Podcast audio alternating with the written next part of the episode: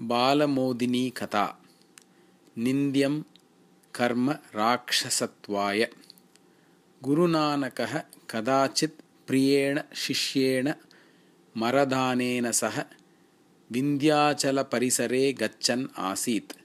तदवसरे केचन वन्यजातीयाः मरदानं बद्ध्वा नीतवन्तः। प्रतिपक्षम् अष्टमीतिथौ ते देव्यै नरबलिम् अर्पयन्ति स्म। मरदानम् अपि बलिरूपेण अर्पयितुम् इच्छन्तः ते तं भैरवीगुहां प्रति नीतवन्तः। मरदानः वृक्षे बद्धः। ततः ते सर्वे टक्कां वादयन्तः गायन्तः नृत्यम् अकुर्वन्। गानस्य नृत्यस्य च समाप्तेः अनन्तरं मरदानः बन्धनात् मुक्तः कृतः। भैरव्याः अर्चकः शूलं गृहीत्वा गर्जन् तस्य मारणाय अभिमुखम् आगतः। तावता समीपात् एव शान्तगम्भीरः कश्चन ध्वनिः श्रुतः। वाहे गुरु इति। एतस्य श्रवणात् अर्चके विलक्षणं परिवर्तनं दृष्टं सः स्तब्धतया अतिष्ठत् शूलं तस्य हस्तात् स्वयम् अपतत्। एतत् दृष्टवान् वन्यजातीयानां नायकः महान्तं क्रोधं प्राप्य ध्वनिम् उच्चारितवतः पुरतः स्थित्वा उच्चस्वरेण अपृच्छत्। रे कः भवान् इति? अहमस्मि भवान् इव एव कश्चन मानवः।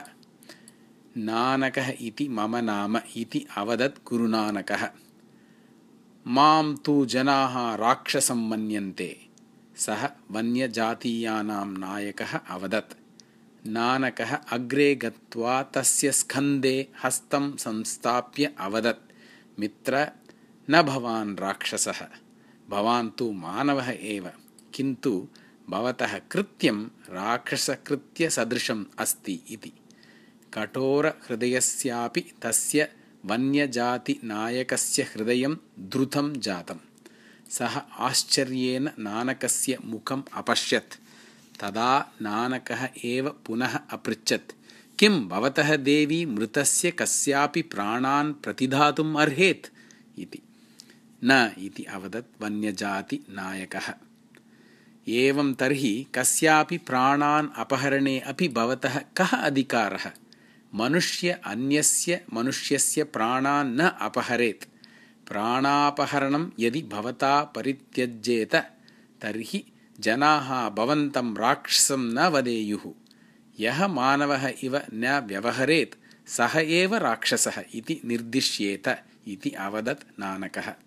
एतस्य श्रवणात् हृदयपरिवर्तनं प्राप्य सः वन्यजातिनायकः नानकं शरणम् अगच्छत् तत् दृष्ट्वा अन्ये सर्वे वन्यजातीयाः नानकस्य शिष्याः अभवन्।